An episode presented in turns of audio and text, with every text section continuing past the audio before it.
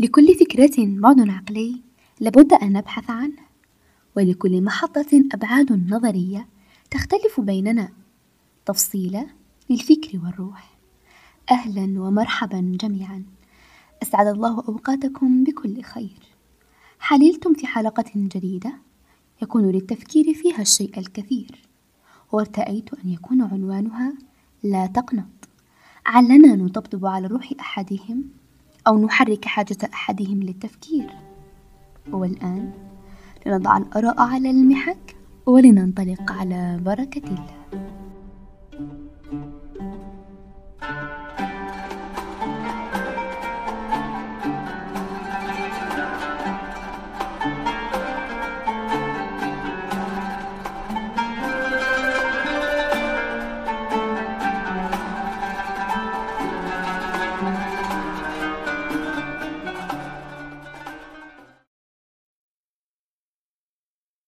هناك آية جميلة جدا ومطمئنة يقول فيها عز وجل قل يا عبادي الذين أسرفوا على أنفسهم لا تقنطوا من رحمة الله إن الله يغفر الذنوب جميعا إنه هو الغفور الرحيم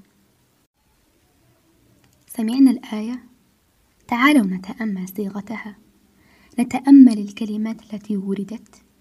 نستشعر معناها نعيشها للحظة؟ الآن وقف التفكير في أي شيء وركز معي. قل يا عبادي طيب من هؤلاء العباد؟ وما هي صفاتهم؟ الذين أسرفوا على أنفسهم. ما معنى الإسراف كمصطلح؟ الإسراف هو تجاوز الحد الذين أسرفوا على أنفسهم بمعنى تجاوزوا الحد في حق أنفسهم. ظلموها بالمعاصي أرهقوها بمجموع الأشياء المؤذية وغيرها. نصل الآن إلى مضمون الرسالة. والجوهر في الآية الكريمة قل يا عبادي الذين أسرفوا على أنفسهم لا تقنطوا من رحمة الله. عظيما جدا. لا تقنطوا من رحمة الله. ربنا سبحانه وتعالى من فوق سبع سماوات يقول لا تقنط.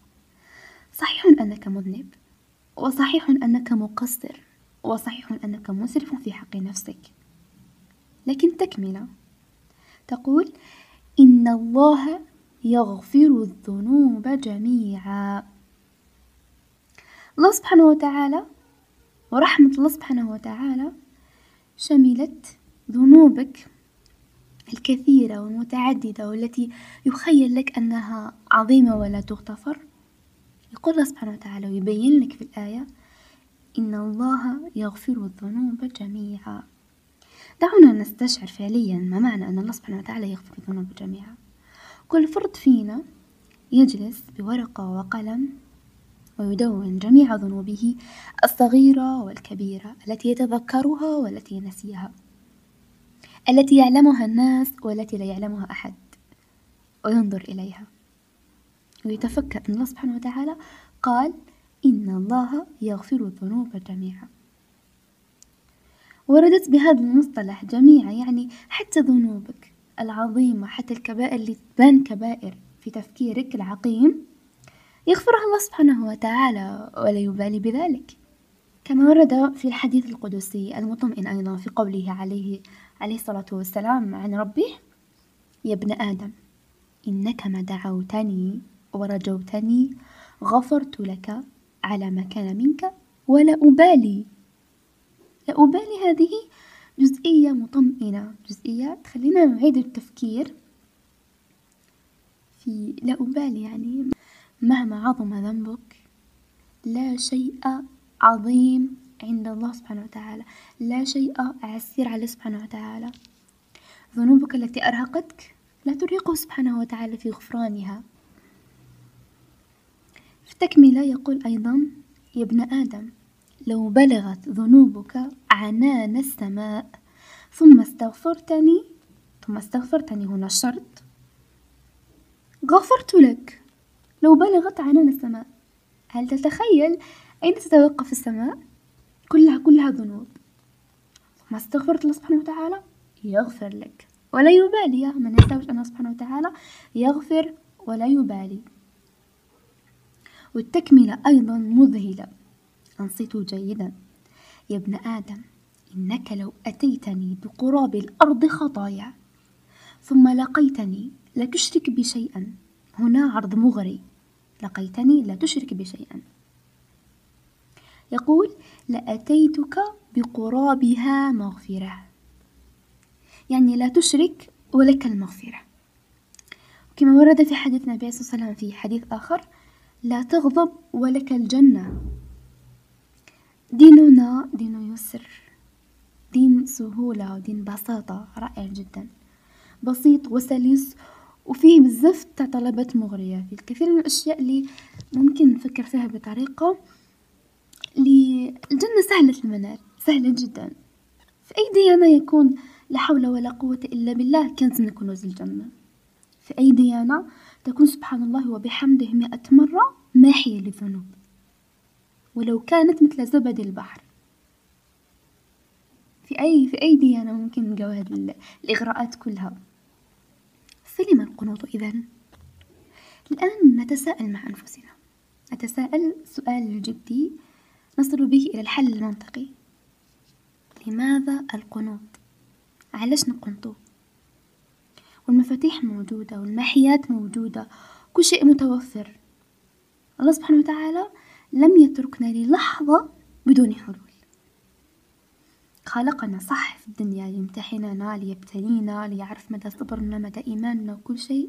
لكن وفر لنا جميع الأسباب التي تجعل الإنسان وللإنسان المؤمن يعيش في سعادة وفي راحة ولو مؤقتة.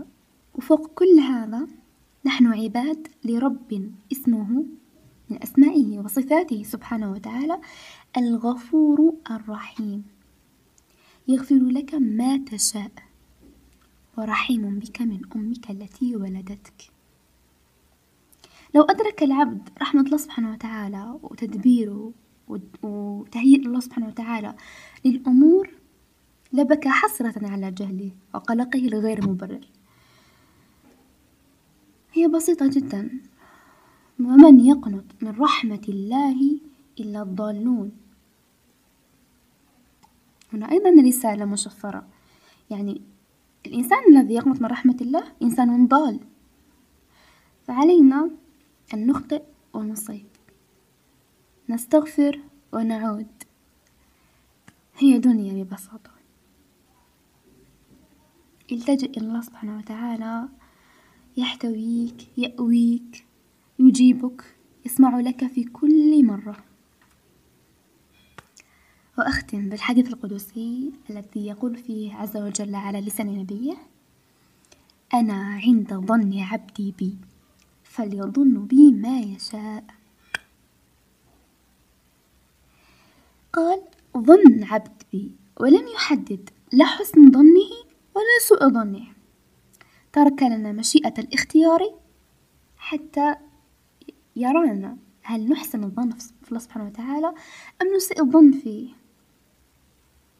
فكما تظن يكون لك فليظن بي عبدي ما يشاء. فأي رحمة وأي حنية نحن فيها وأي دلال من الله سبحانه وتعالى لنا. يرزق بغير حساب ويغفر بلا مبالاة ويكون عند ظن العبد كما يشاء. ويجيب المضطر إذا دعاه ويسمع ويهيئ الأسباب ويهيئ الظروف وكل شيء تمام. فهو أقرب إلينا من حبل الوريد. ربنا كريم. وكريم جدا ويحبنا للحد الذي لا نتصوره صدقا. فأحسن الظن به واعبدوه كما يحب ويرضى. لا كما نحب ونرضى. إلى الآن ابتسموا ابتسامة رضا واحمدوها. ولا تنسوا إن الله يغفر الذنوب جميعا. والسلام عليكم ورحمة الله تعالى وبركاته.